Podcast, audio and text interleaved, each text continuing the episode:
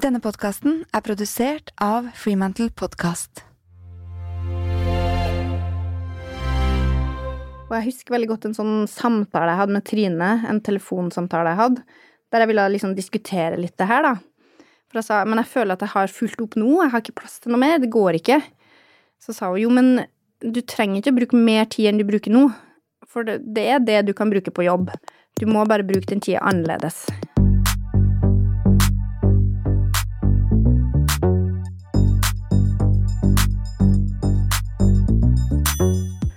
Velkommen tilbake alle sammen til en ny sesong av Mamma jobber. Dette blir faktisk den sesongen hvor jeg runder 100 intervjuer, så det er jo utrolig, utrolig gøy. Og vi starter opp sesongen med en kul dame, nemlig Guri Melby, som er partileder for Venstre. Hun har to barn på fem og syv år, som hun har ca. 50% Og jeg lurer jo på hvordan får hun livet til å gå rundt på et vis, når det til tider er mye kveldsjobbing, hun er alene med barna, hun kan jo bli kalt inn til møte fra Stortinget midt i familietiden. Og hva gjør hun når tiden til å forberede seg til alle tingene hun skal i løpet av en dag, ikke strekker til? Velkommen, Guri. Tusen takk. Og ikke minst gratulerer med dagen. Jo, takk. Det er veldig hyggelig at du vil være her og feire med oss i dag. Ja, jeg er jo blant dem som fortsatt syns bursdag er stas, selv om jeg er i ferd med å bli godt voksen. Jeg er helt enig. jeg liker jo å gjøre gøye ting på bursdagen min, og det her tenker jeg er en gøy ting. Ja, det er jeg veldig glad for at du syns. Eh, Sånn terningkastmessig, hvordan har dagen vært? Altså ikke fordi det er bursdag, men sånn som en Nei. vanlig dag. Nei, jeg tror jeg må gi eh, fem, for Ja. det har vært bra. Hva skal på en måte til for at du har en femmer-sekser-dag når det ikke er bursdag? En viktig ting for at jeg skal føle meg bra, er vel egentlig å føle at du har gjort noe. Noe Ja. som er liksom bra, noe fornuftig. Eh, Den her jobben på Stortinget, den er jo litt sånn rar, fordi at noen dager har du fulgt opp med avtaler, springer fra møte til møte, og for så vidt fyller den med veldig sånn viktig innhold. Andre dager så er det mye sånn venting, du går deg litt, og du prøvde å få på den mediesaken, du fikk det ikke til. Sånn litt lite tilfredsstillende. Så de dagene Det kan godt gå i ett og være et hakka kjør, men du føler liksom at du får gjort noe. Ja. Det er en god følelse. Da er du glad, liksom. Mm. Eh, Mange vet jo eh, sikkert veldig godt hvem du er, men jeg liker å ha en sånn liten start. Kan du ikke bare kort fortelle liksom, hvem er du, hvor kommer du fra, hvem bor du sammen med? Guri Melby, 42 år, kommer fra det het Orkdal da jeg vokste opp, nå heter det Orkland kommune. Det er i Trøndelag, tidligere Sør-Trøndelag. Sånn eh, fem mil sør for Trondheim, ei lita bygd med 700 personer som bodde der da jeg vokste opp, i hvert fall. Ja. Nå bor jeg i Oslo, eh, bydel Grünerløkka, eh, men ikke helt nedpå Løkka. Litt mer sånn familievennlig strøk, for jeg har jo da to barn, som er fem og snart sju. To gutter, ikke sant? Mm, Riktig. Så en som har siste år i barnehage, og en som har første året på skolen. Og så, det er dere tre som bor sammen nå, ikke sant? Mm. Fordi du er skilt. Ja. Yeah. Eller jeg har aldri vært gift, da, for så vidt, men Nei. vi har ikke noe ord for det, syns jeg. fra, fraflytta. Ja, ja. Eh, jeg og så pappaen til ungene, vi bor ikke sammen. Eh, men noen ganger, så, for når folk spør ja, hvor mange er det i husstanden, så føles det litt flytende, for vi er fortsatt ganske mye sammen. Ja. Eh, både fordi ungene er ganske små, og litt av min jobb. Og han har i tillegg ei datter, så innimellom så er vi fem i den leiligheten. Så hyggelig, og så utrolig fint å kunne ha et godt forhold. Mm, Du har jo hatt en ganske sånn heftig karrierereise i småbarnstiden. Mm. Eh, altså fra lokalpolitiker i bystyret til vara på Stortinget, kunnskapsminister i regjeringen, og nå partileder for Venstre. mm. Ehm, er du en superhelt, eller er du bare helt sykt god på å multitaske, delegere, prioritere? Hva er, hva er hemmeligheten? Ja, godt spørsmål. Um, jeg tror Jeg er ikke en superhelt. Eh, jeg har definitivt mine begrensninger. Jeg tror kanskje en av mine styrker er at jeg ser mine begrensninger. Jeg har ingen terskel for å spørre andre om å gjøre ting. Eh, enten om det er å be rådgivere hjelpe til med noe, eller å be andre stortingsrepresentanter eller nestlederne mine om å ta ting for meg. Ja, det, det koster deg liksom ikke noe. Nei, det gjør ikke det, altså. Jeg har veldig lite sånn at det er så viktig at jeg får gjort det. Jeg blir ikke så lett trua av at noen andre hevder seg. Syns egentlig bare det er kjempebra at Ja. det er flere som viser seg fram og synes. Eh, Så det er nok kanskje min største styrke, egentlig, da. Um, og så Du må jo på en måte bare være flink til å prioritere. Eh, Det går ikke an noe annet. Både i jobbsammenheng og også privat. Ja. Ikke sant? Fordi det private, der kan man jo også slite seg ut. Mm. Men jeg, jeg føler vi må liksom Vi må gå litt sånn detaljert og konkret i verks for å forstå det. Fordi ord er jo sånn Ja, så må man være sånn og sånn, ikke sant? Det er sånn ja ja, man nikker og tenker sånn mm, Skjønner hva du mener. Og så står man der i eget liv og bare Men fuck, hvordan gjør jeg det faktisk i praksis? Så kan du ikke bare liksom fortelle litt mer hvordan hvordan ser arbeidshverdagen din ut? Når, når er du på jobb, og hva er det første du gjør? Så jeg, jeg tror jo da sånn et råd som jeg vil gi, er å lage seg noen sånne regler som blir veldig viktige for deg, og som blir litt sånn hellig. Um, og jeg har i hvert fall, eh, siden jeg gikk av som statsråd og vært på Stortinget, så har jeg en ø, ganske sånn hard regel om at arbeidsdagen ikke begynner før ni. Ja, Eh, I hvert fall ikke sånn på kontoret. Nei. Det kan jo være noen telefoner og mailer. Og det betyr at jeg kan levere i barnehage og skole ganske ofte. ja, for da har du ro i morgenen. Mm, Yes. Og det, grunnen til at jeg har valgt den prioriteringa, er fordi at jeg har litt mindre kontroll over hva som skjer på kvelden. For du kan jo tro at du skal ha en kveld fri, og så plutselig ble du invitert til Dagsnytt 18 eller Debatten eller sånn, og så må du liksom ta det. Og hvis jeg da hadde liksom ofra morgenen i tillegg, så hadde jeg liksom ikke fått gjort noen ting. Verken å være sammen med ungene eller å bidra. Så, så der har jeg laga meg en sånn regel. Og så er det selvsagt innimellom at jeg da er på Politisk kvarter eller noe, men det er ganske sjelden. Ja, for da vet du at morgenen er det minst sannsynlig Ja. at det skjer noe. Yes. Liksom. Eh, Så du må bestemme deg for noen tidspunkt der du aksepterer at du ikke er like tilgjengelig. Og da er det ingen møte. Hvis du blir innkalt til møter da, så er det sånn Det kan jeg ikke. Yes, det er virkelig hovedregelen. Ja. Eh, og så har vi morgenmøte som begynner ni. Og det morgenmøtet er også digitalt. Og det har vært en av de tingene jeg har holdt på etter pandemien. Mm. At det går an å logge seg på digitalt. Så det betyr at folk som er litt seint ut fordi det var en hektisk morgen med unger og sånn, kan de i hvert fall få med seg hva som skjer. Du blir ikke like aktiv deltaker, men du blir i hvert fall litt sånn oppdatert. Ja. Og da er det ikke sur stemning rundt bordet fordi man ikke er der. Du liksom. trenger ikke å drive og ha en sånn begrunnelse eller noe for det. Det er helt greit. Ok, gøy. Har du andre regler? Ja, eh, en viktig regel er at ikke alle møter trenger å vare en time. Ja. Fordi det er jo helt sykt at den møteinnkallelsen er en time. det er veldig automatisk. vanlig at du liksom kalles inn for en time. Eh, så det å se Ja, men kan det være en halvtime? Eller kanskje bare 20 minutter? Mm. Eh, bare definer mer tydelig hva det møtet faktisk skal være, og hva det skal handle om. Ha en agenda, liksom. Ja. Ja. Og så er jo jeg, like mye som andre, også veldig glad i smalltalk og sånn. Mm. Men man, da, man kan ta det før eller etter møtet, da. Men da kan dem som har det travelt, gå videre. Eh, så det å prøve å skille litt sånn, og være litt tydelig på nå gjør vi det vi må gjøre. Mm. Og så kan dem som vil ta en kaffe etterpå, gjøre det. Så det er en sånn eh, leveregel. Og så har jeg jo innimellom hatt sånn ok, jeg vil passe på å spise middag med ungene mine to kvelder i uka, eller Og så har det variert litt hva som er viktig. ja, men du har liksom et veldig sånn avklart bilde til levereglene dine. Ja. Men når er det du um, lager de levereglene? Når liksom For du sa det har jo variert litt, iblant har jeg to kvelder i uka. Men hvilken følelse er det som utløser at du liksom Nå må jeg lage en ny leveregel! Ja, Hvis du f.eks. kjenner at nå har jeg vært for lite sammen med ungene mine, eller nå har jeg bidratt for lite hjem, så må du jo på en måte ta en gjennomgang og finne ut av ok, hva kan jeg da gjøre for å rette opp i det. Ja, Kan jeg ta mer på morgenen? Kan jeg ta mer I perioder har det vært sånn jeg tar veldig mye i helgen hvis det har vært travelt i uka. Og så er det jo perioder der jeg reiser litt i helgen, da. Og da er det sånn, ok, men da må jeg faktisk en uke etterpå så må jeg hjem på ettermiddagen og bidra og lage middag og sånne ting. Og akkurat nå så har jeg en litt sånn ekkel følelse fordi eh, han eldste har vært syk hele uka. Vært hjemme hver dag. Og det er jo sånn, når de er syke første dagen, så tenker jeg ja, ja, jeg kan være hjemme i morgen, det går bra. Og så plutselig, ja, men herregud, nå er vi femte dagen, liksom. Og pappaen har jo vært hjemme hver dag. Så i dag, når man er sånn åh, jeg må liksom på jobb igjen, og han skal være hjemme, da fikk jeg en litt ekkel følelse. Ja. Eh, Men da får jeg jo bare passe på å ta igjen, da, senere. Og det får jeg ofte til, altså. ja, for da er du litt sånn ekstra på i helgen, for eksempel. Eller neste uke, da, hvis Mm. han fortsatt er syk. Mm. Men eh, når du skal prioritere jobbhverdagen, hvordan gjør du det? Har du kalender? Har du Post-its? Har du Mm. Hva er systemet ditt? Outlook Outlook? er greia. Ja.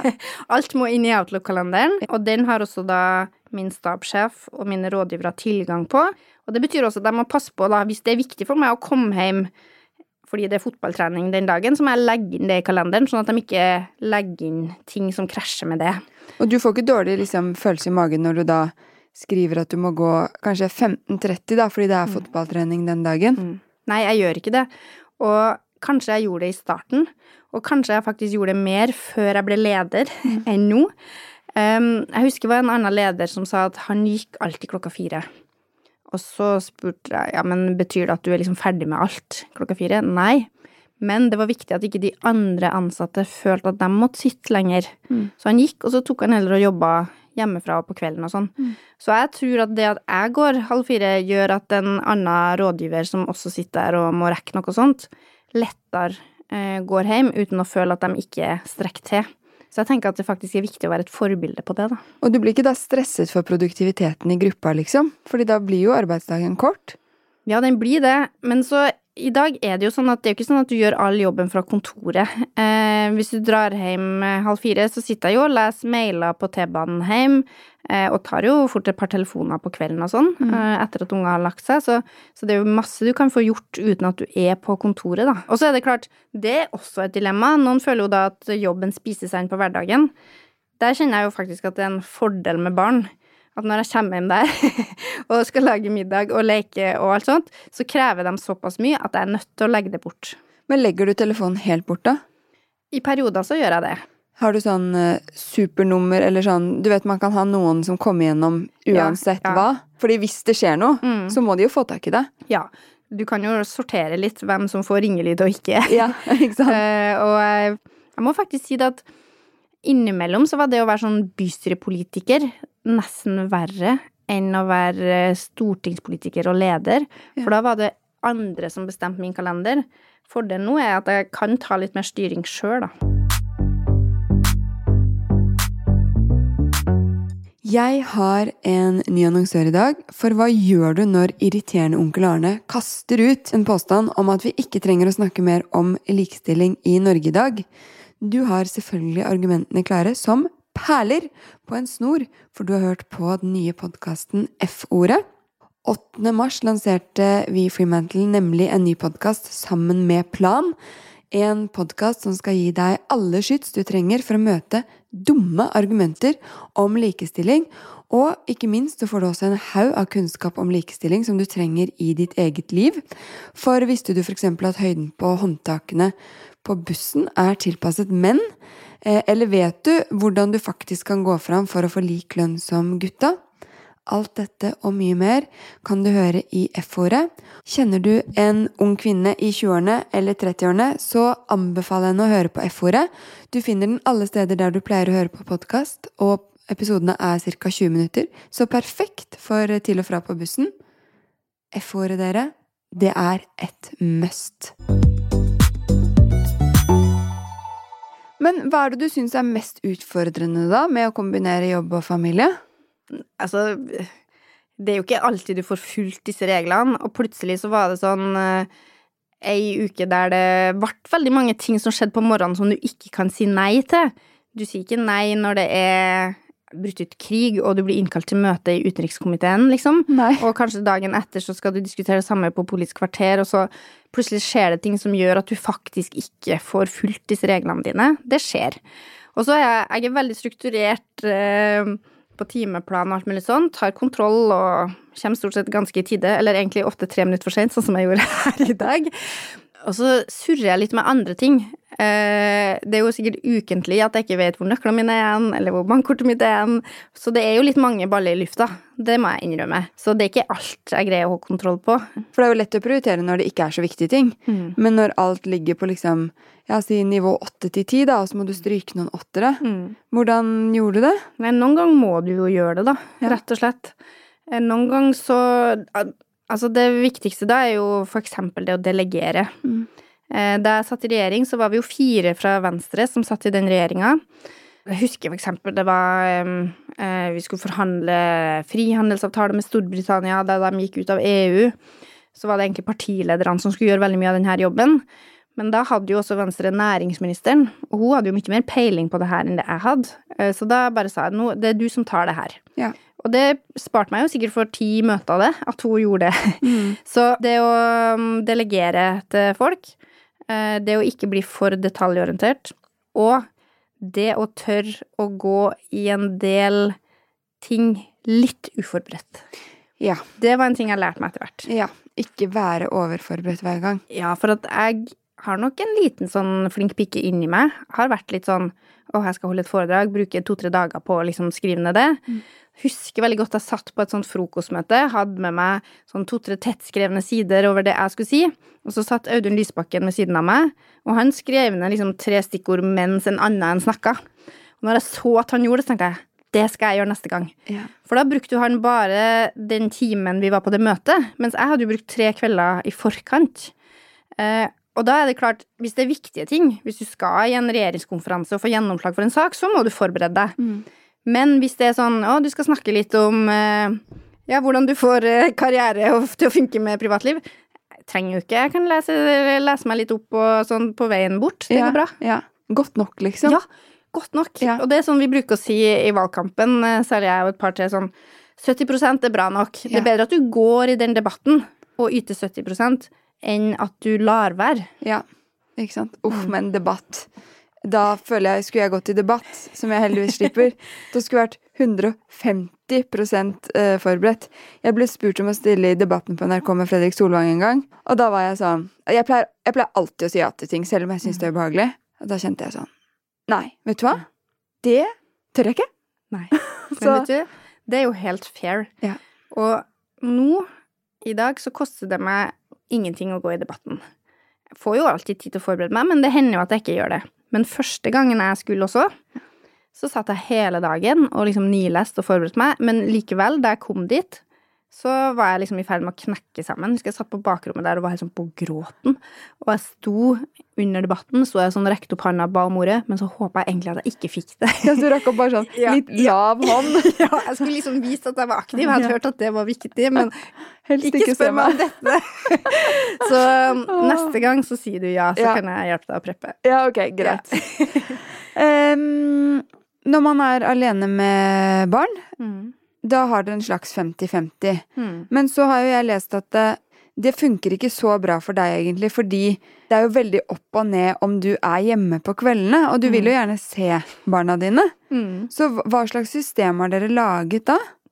Ja, for vi, Hvis vi hadde hatt sånn annenhver uke, så kunne jeg jo risikert at jeg var opptatt tre kvelder den uka jeg hadde dem. Ja. Og det ville jo vært veldig synd, eh, for jeg har jo lyst til å være sammen med dem. Eh, Så da tar vi heller og ser det litt sånn uke for uke. Da ser vi ok, men nå har jeg litt rolig mandag, tirsdag, onsdag. Da kan de være hos meg. Og så er jeg bortreist eh, torsdag til lørdag. Da er de hos deg. Eh, Så vi har det ganske sånn dynamisk, da. Og foreløpig så funker det fint for alle fire. Ja. Så får vi nå se da hvordan det funker. Det er jo nå en sjanse for at når de er litt større, så ønsker de seg kanskje mer faste rutiner. Mm. Men det er også forskjell på en eh, tiåring som kan gå hjem fra skolen sjøl, og så om du kommer en time senere, så er det ikke så farlig, sammenligna med et barnehagebarn som må hentes og passes på veldig, da.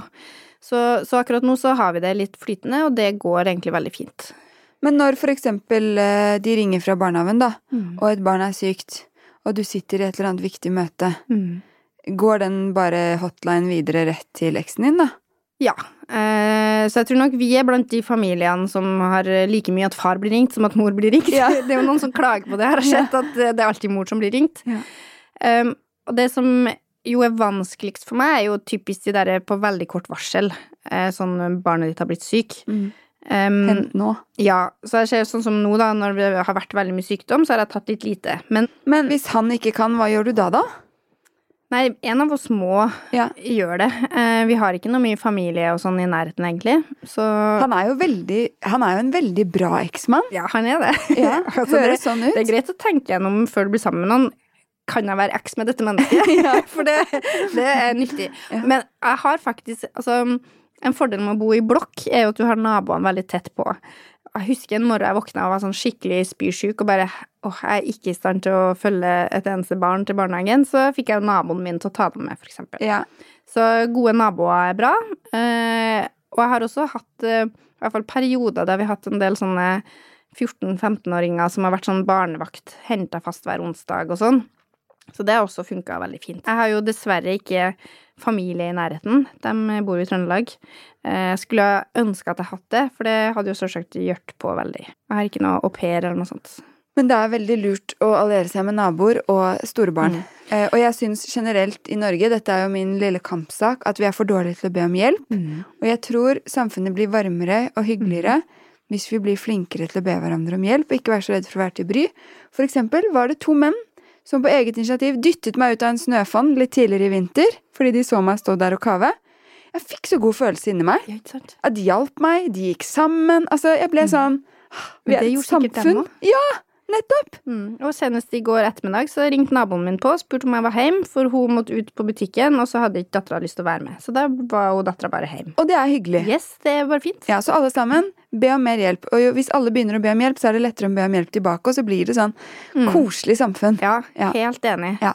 Ja. Men hva velger du bort for deg selv for at dette skal gå rundt? Fordi du jobber jo ganske mye selv om du går hjem fire. Mm. Så er det jo da eh, jobb, barn og så jobber du sikkert kanskje litt på kvelden. Mm. Ja, og jeg tror jo egentlig at mange som er i min situasjon, opplever at de får til å prioritere barn ganske høyt. Og så er det en del andre ting som må vike. Eh, det er lenge siden jeg var på en sånn venninnetur, liksom. eh, hvis jeg skal bruke ei helg på noe, så blir det liksom å dra til fylkesårsmøtet til Møre og Romsdal Venstre. Det blir ikke liksom eh, London-tur med venninnene. Eh, litt lite trening og sånn. Prøve å få til litt. Nå har jeg begynt med sånn hjemmetrening. Det funker sånn passelig bra. Um, litt lite Altså, hadde jeg hatt mulighet, så skulle jeg gått på skitur hver lørdag, jeg, men det blir ikke sånn. Eh, Da må jeg ta med ungene på svømmekurs i stedet. Så, så litt, det blir jo litt lite sånn egentid. Um, men det Jeg tror at jeg er en sånn person at hvis jeg hadde hatt en mindre travel jobb, så hadde jeg nok kanskje skaffa meg noe å gjøre ved siden av. Hadde fylt opp.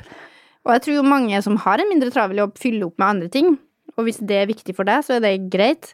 Um, men um, det blir nok litt sånn at uh, det er ungene som vinner, da. Uh, ja. Og jeg har jo en del sånne husarbeid som jeg nedprioriterer ganske kraftig. Jeg vasker ikke vindu. Uh, det går an å få sitte med til å gjøre det to ganger i året, så det gjør jeg. um, ja. eh, baker ikke brød, sånne ting. Matkasse, Oda, alt sånt som gjør at ting går kjapt. Altså, eh, jeg tenkte jo lenge at ja, Oda var ikke noe for meg, jeg har jo matbutikker rett ved. Men altså det at jeg kan sitte på T-banen en morgen og bare tsk, gjenta bestillinga fra sist med et par andre varer, er så og så kommer det på døra dagen etter, Ja, i stedet for at jeg skulle ha brukt en halvtime, time da, på den butikken. ja. Det sparer så masse tid. Jeg ler så mye av i hvor mange rare settinger hvor jeg egentlig handler. Altså Ja, sånn fordi ja. En ting som jeg har greid å prioritere altså Jeg er jo veldig glad i å lese bøker. Jeg er jo egentlig norsklærer av yrke. Eh, og veldig lenge så greide jeg jo aldri å lese bøker, selv etter jeg fikk barn. Men nå har jeg også laga meg en regel, høres ut som jeg er veldig rigid, men når jeg er på sånne lange jobbreiser på fly og sånn, så har jeg liksom lov å lese bok i stedet for å sitte og lese jobb. Ja, det er fint, så da blir det egentid. Mm, så typisk i de mest travle periodene, sånn valgkamp og sånn, Ja. får jeg lest kjempemange bøker. ja. Da sitter du og er Ja. på reise hele tiden. ja, ja. Ja, det er lurt, og da lader man jo. Det er jo litt meditasjon å Akkurat lese. det. Og da kommer du heller fram til det møtet og er litt sånn opplagt, da. Ja, ja. Mm. Men du, litt tilbake til dette med å kombinere jobb og familie. Um, gjorde du deg liksom noen tanker om eh, å skulle klare å kombinere dette før du sa ja til å bli partileder? Ja, det var jo noe jeg tenkte veldig mye på. Og mm, altså det, mm, det at jeg kanskje kunne bli partileder, var jo noe som ble aktuelt egentlig på det tidspunktet jeg ble kunnskapsminister. For da gikk jo Trine Skei Grande av som leder i Venstre og spurte om jeg ville bli kunnskapsminister. Og så var det jo da en valgkomité som skulle jobbe med å finne en ny leder i Venstre. Og min tanke først, da jeg sa ja til å bli kunnskapsminister, var at ja, det har jeg lyst til, men jeg skal ikke bli partileder, for det går ikke. Det har jeg ikke tid til. Jeg hadde jo jobba nært med Trine før og sett liksom den måten hun jobba, Mm. og tenkte at det der kunne jeg ikke gjøre, det går ikke. Og særlig med min livssituasjon nå, da. Så egentlig var det bare sånn, nei, det er ikke noe for meg. Men så gikk jo liksom månedene, da, og det var jo en del folk som oppfordra meg til å stille, så begynte jeg liksom å tenke gjennom det. Og jeg husker veldig godt en sånn samtale jeg hadde med Trine, en telefonsamtale jeg hadde, der jeg ville liksom diskutere litt det her, da. For jeg sa men jeg føler at jeg har fulgt opp nå, jeg har ikke plass til noe mer, det går ikke. Så sa hun jo, men du trenger ikke å bruke mer tid enn du bruker nå, for det, er det du kan bruke på jobb. Du må bare bruke den tida annerledes. Eh, og når hun sa det, så var det liksom det snudd litt, da, i meg. Ehm, at eh, ok, det går an, liksom. Eh, og jeg husker at jeg var veldig tydelig også, da, da jeg var intervallkomiteen, at eh, hvis dere vil ha meg som leder, så vil jeg ikke ha sjanse til å dra på alle fylkesårsmøtene. Jeg kan ikke bruke liksom elleve helger i februar og mars. Jeg kan kanskje ta to, og så må noen andre ta resten. Mm. Så det er liksom det dere får. Men i tillegg så får dere jo en person som kanskje har innsikt i disse delene av livet, da. Eh, noe som jeg mener er nyttig, da, på mange måter. Så Men det er jo litt ballsy å tørre å si det hvis du på en måte hadde litt sånn lyst til å bli valgt, Mm. fordi det er jo Det kan jo vippe begge veier. Ja, det kan det. Men jeg, da var jeg nok på det stedet at jeg hadde lyst til å bli leder, men hvis jeg ikke hadde blitt det, så hadde det også gått bra. Ja, og ikke for enhver pris, Ja. på en måte. Så jeg har nok Jeg tenker at jeg kan gjøre andre ting i livet, jeg. Eh, Så hvis folk nå syns at jeg ikke jobber nok, så får det bare være. Da får jeg finne meg noe annet å gjøre. Det går bra. Eh, Men det her er det de får med meg. Så det å være sånn ærlig eh, på hvor grensene dine går, Mm. tror jeg er jo viktig. Ikke late som du kan gjøre noe mer enn det du kan. For da strekker man jo strikken Yes. for langt. Det er det man gjør. Men det er jo veldig fint og overførbart også til alle som lytter, og som kanskje har fått tilbud om å rykke opp i stilling, eller som har lyst på nye utfordringer, eller noe. Dette med å tenke at det er ikke nødvendigvis sikkert man trenger å gjøre mer, men man skal gjøre andre ting. Mm. Og jobbe på en annen måte. Mm. Trenger ikke flere timer i døgnet, liksom. Nei. Nei, fordi det er ikke nødvendigvis antall timer du legger ned eller da, som avgjør hvor god jobb du gjør, rett og slett. Nei. Eh, og jeg tror nok faktisk at um, Det varierer sikkert veldig da, fra yrke til yrke og bransje til bransje, men jeg tror nok det er ganske mange som opplever at når du da klatrer helt til topps og blir sjefen, så har du mer kontroll på din egen tid enn når du er lenger ned i systemet. Mm. Så jeg håper jo at mange som da La oss si du er mellomleder og føler ja, men jeg har allerede altfor mye å gjøre. Jeg vet ikke hvordan jeg skal få til Og det ser ut som han sjefen gjør alt mulig. Det er ikke sikkert at det er sånn. Det kan godt hende at du faktisk får bedre kontroll det øyeblikket du tar steget helt opp. Mm. Forskjellen ofte med å være den øverste lederen er jo at det finnes noen situasjoner der du ikke kan sende en stedfortreder, på en måte, og at det er noe sånn nå er det akutt, eh, nå må du ta det. Eh, Men bortsett fra det så opplever jeg at du har mer kontroll som øverste sjef. Så dere, ikke nøl. Gønn på! Ja. Hvis det er det dere har lyst til. Hvis dere ikke har lyst, ikke gønn på. Nei. Det er også helt greit. Ja. Er det noe som liksom stresser deg i hverdagen som jobbende mamma? Ja, altså den derre deadline klokka halv fem når AKS stenger, den er jo en stressfaktor. Det er ikke noe tvil om det. Ah, det er jo det er for barnehagen er åpen til fem, men AKS er bare åpen til halv fem. Ja. Så det å liksom sitte der og se det møtet liksom, Du, nå må jeg faktisk gå. Og nå var T-banen litt forsinka, og jeg kommer veldig sånn akkurat. Det var en av de dagene i desember når det bare lava ned med snø. Og jeg hadde liksom akkurat kommet meg på den siste banen jeg kunne ta. Og så greide jeg av en eller annen tåpelig grunn å ta den et stopp for langt. Å nei. Ja, så, og da var det altså, Ja, ja, men jeg kan gå fort, det går bra. Men da var det sånn djupsnø som dere går og spøler i. Ja, liksom. ja. Du får ikke liksom noe gjennom, noe Det føltes liksom som jeg var ute i krigen omtrent for å komme meg til den aksen. Eh, og jeg kom liksom fem over halv, og du får det litt sånn stygge blikket fra dem som jobber der. Så de situasjonene der har jeg jo ganske ofte. Ja. Men jeg, eh, jeg kjenner nok at pulsen stiger der og da, men det er ikke noe jeg drar med meg. Og det er ikke sånn at jeg da har liksom ødelagt den dagen, eller tenker mye på det i forkant. Jeg er nok en forholdsvis rolig person, da, egentlig. Men uh, sier du i møte sånn 'nå må jeg gå'? Eller? Mhm. Ja. Ja. Ja. Uh, det gjør jeg. Og før hadde jo var, sånn, Gruppemøter var fra tre til fem, nå er det fra to til fire. Og fire er liksom siste frist, for jeg må dra da, hvis jeg skal rekke den, eller halv fem. Eh, så hvis det er noen som har noe annet da, så må vi bare, da setter vi på saklista til neste møte. Så utrolig deilig å ha en sånn leder for alle andre med små barn. Yes, For det betyr jo at alle andre i det rommet også vet det. Ja, Og rekker Eh, sin ja. barnehage og aks. Og det du risikerer En ting er at du kan få et stygt blikk hvis du går for tidlig, men en annen ting er jo at du risikerer at det tas viktige beslutninger som du ikke er med på. Mm. Eh, så, og det gjør jo gjerne at en del med da barn eller andre ting Jeg er litt opptatt av å si at det er lov å dra for andre ting òg. Mm. At du har foreldrene dine på besøk, eller ok, du er med på fotball og har fotballtrening en gang i uka. Det er lov å si at det er Viktig, Ja, liksom. jeg syns folk skal få lov å ha et liv, da. Mm. Eh, Jeg mener det er et av de beste tingene med det norske samfunnet. At eh, selv om vi har krevende jobber, så er det liksom akseptert å ha et liv også. Mm. Så, så det å være tydelig på hva som er rammene, eh, det, det tror jeg er viktig. Så hvis det var noe som var superakutt, ja, men da får ledertrio ta et kveldsmøte, da, på telefon, som vi ikke fikk tatt på det mm. møtet. Vi må bare finne en løsning.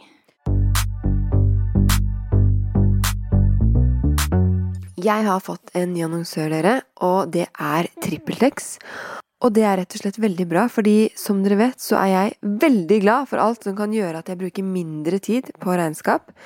Og TrippelTex er faktisk det mest brukte webbaserte regnskapsprogrammet i Norge. De har 85 000 kunder, og det er jo kanskje ikke så rart, fordi maken til enkeltsystem, det skal du lete lenge etter.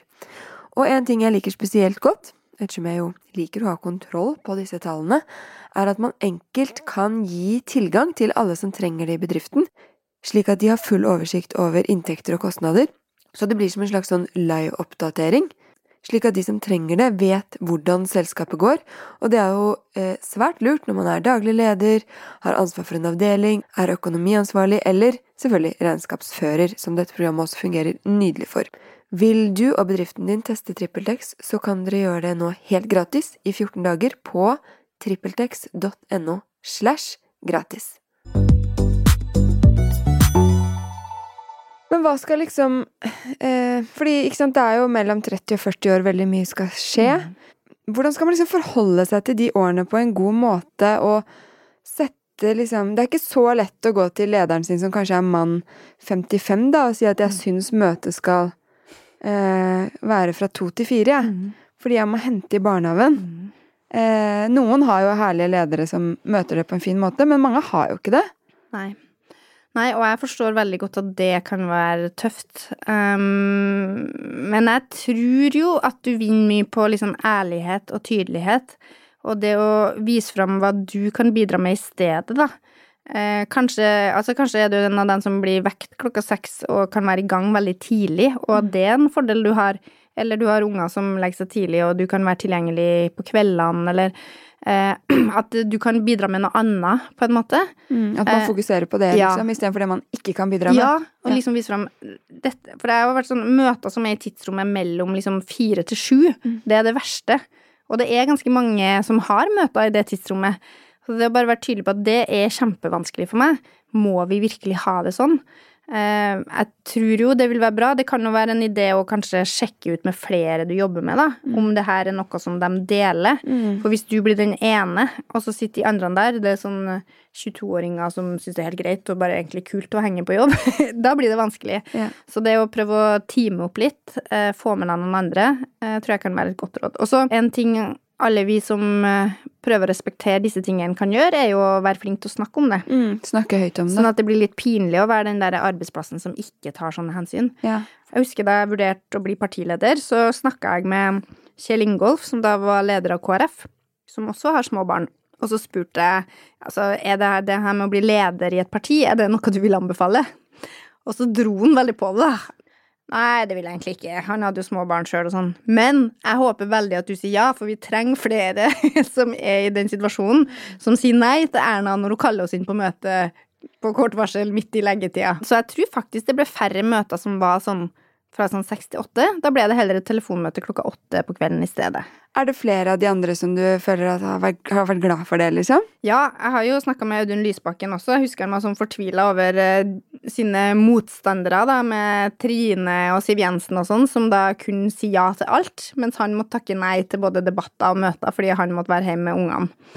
Så jeg tenker at hvis vi er flere, eh, sammen står vi sterkere. Ja, enig. Ja. og det er jo litt godt å høre at, at dette også er liksom noe folk haver med, også på Stortinget. Ja, ja, ja, absolutt. Mm. Men er det noen situasjoner hvor liksom eh, Ja, fordi nå er du jo alene da med barna.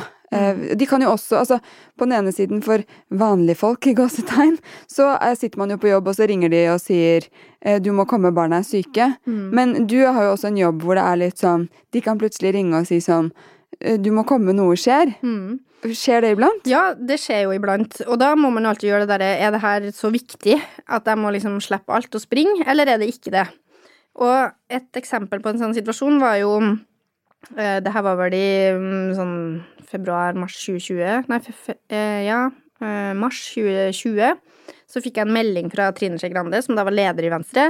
Eh, kan du komme innom eh, i kveld? Eh, Og så tenkte jeg "Eh, Skal jeg liksom komme innom der? Hva er det hun vil snakke om nå? Nei, for hun skrev jo ikke hva det var, da. Men nei, jeg er alene med ungene, jeg tror ikke det går, liksom. Så skrev hun jo, men det er litt viktig. Jeg håper du kan komme. Ok, da. Så da ringte jeg til ei venninne da, som kom og var barnevakt, og så dro jeg ned til Trine. Og da jeg kom dit, så åpna jo hun døra, slapp meg inn. Og så viste det seg jo at det var veldig viktig, og det var noe hun ikke kunne skrevet på melding, og sa da til meg at jeg har bestemt meg for å trekke meg som leder. Um, men for at jeg skal gjøre det, og for at jeg skal trekke meg som kunnskapsminister, så vil jeg gjerne vite om du vil ta over den jobben. Ja, og jeg får litt gåsehud. Ja, det, det, ja den, den, samtalen måtte dere på en måte Ja. ta face to face. Vi måtte. Men når du får den meldingen, da blir du, hva, liksom, blir du stressa da? Da må du jo ringe og få opp en venninne. Liksom, det er jo Mm, ja. litt kål. Ja, det er litt kål. Eh, litt styr. Her er heldigvis gode venner som stiller opp og sånt, da. Men det er klart det ble jo mer kål etterpå, for så vidt. For det er jo da Ok, det var en tirsdag, tror jeg, og det betyr at jeg ble statsråd den fredagen. ja. Så den telefonen jeg måtte ta etterpå, var jo da å ringe til min eks og si nå har jeg blitt spurt om å bli statsråd.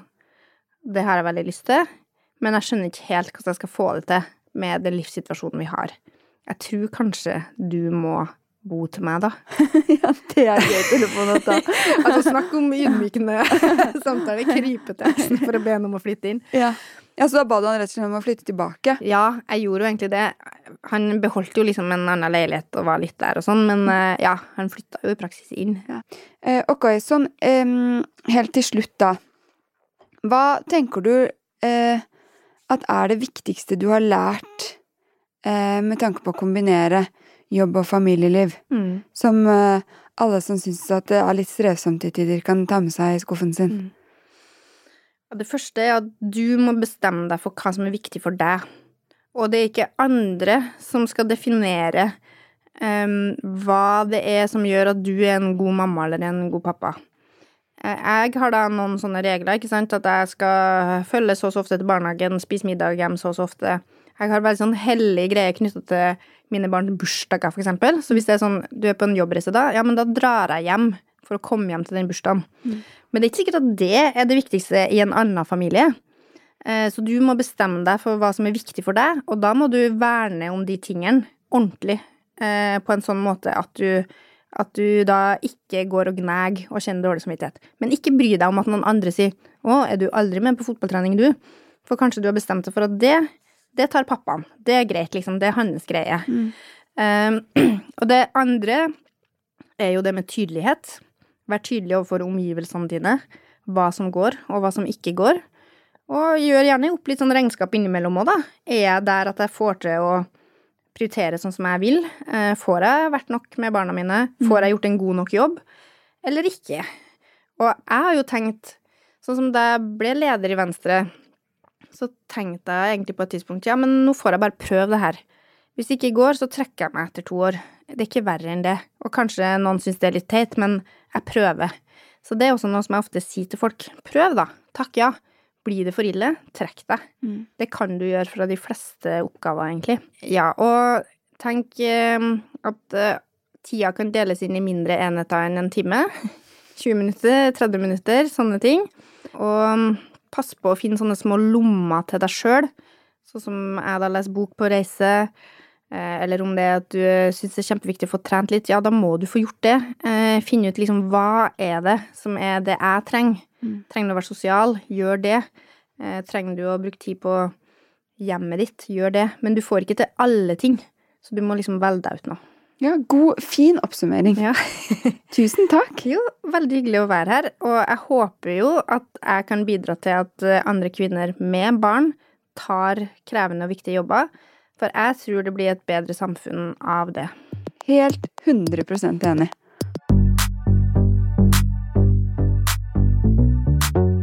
Tusen takk for at du har hørt på Mamma jobber. Husk at du alltid kan sende meg tips til inspirerende mammaer eller mammaer du er nysgjerrig på rundt deg, på DM at mammajobber på Instagram.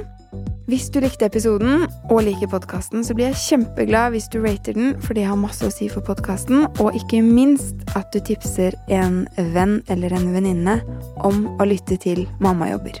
Vi høres neste uke.